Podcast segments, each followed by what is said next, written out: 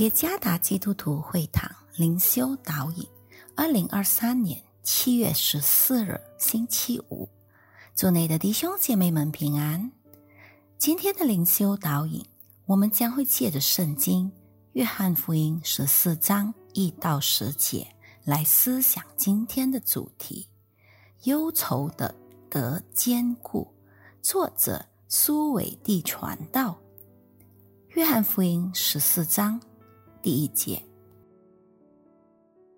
你们心里不要忧愁，你们信神也当信我。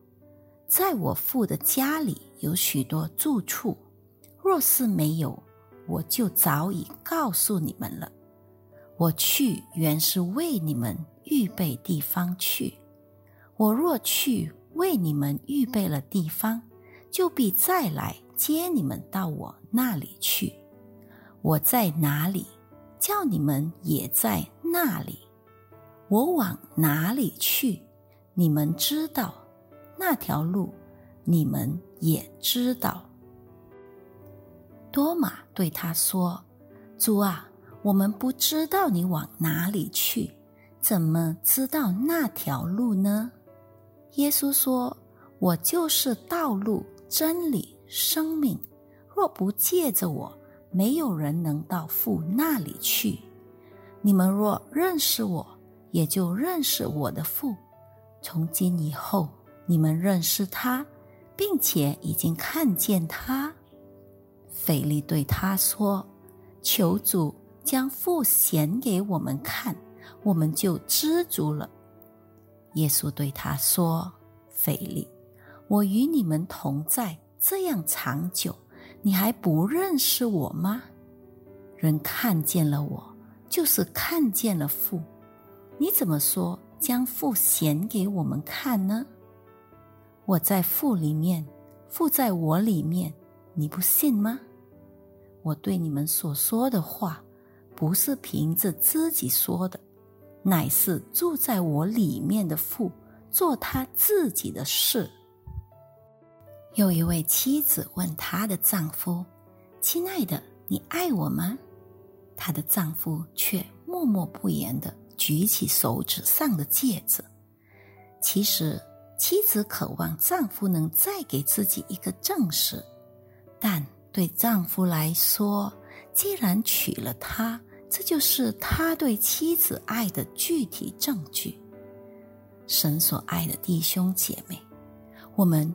很多时候，可能也会对某些事感到疑惑不解，甚至有些事情实际上已经有了明显的答案和证据摆在我们面前，但我们还渴望不断的被坚固。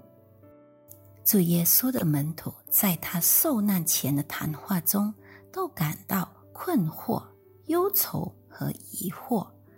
耶稣向他们保证，也就是说，他在哪里，门徒们也在哪里。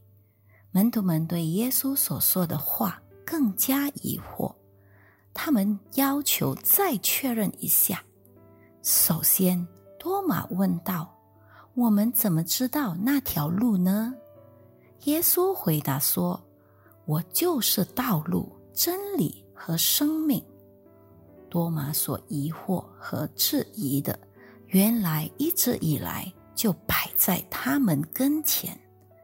然而这还不够，腓力再次想要得到坚固，说：“求主将父显给我们看。”耶稣再次向他们保证，也就是说，人若看见了耶稣，就看见了天父。再次。腓力所疑惑和所质疑的答案，竟然一直以来就摆在他们跟前。耶稣是如此耐心的眷顾在疑惑中的门徒们。你今日的光景又如何呢？你对神还心存疑惑吗？也许你这个疑惑的答案一直都在你的跟前。你只需要更敏锐的注意他。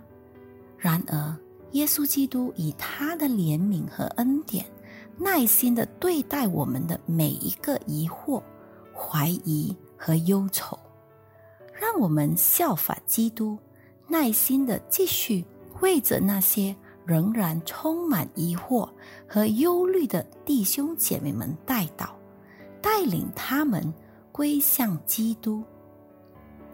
耶稣并没有像当时的拉比那样传授通往天国道路的秘诀，因为他自己就是道路。卡尔巴特卡尔巴愿上帝赐福于大家。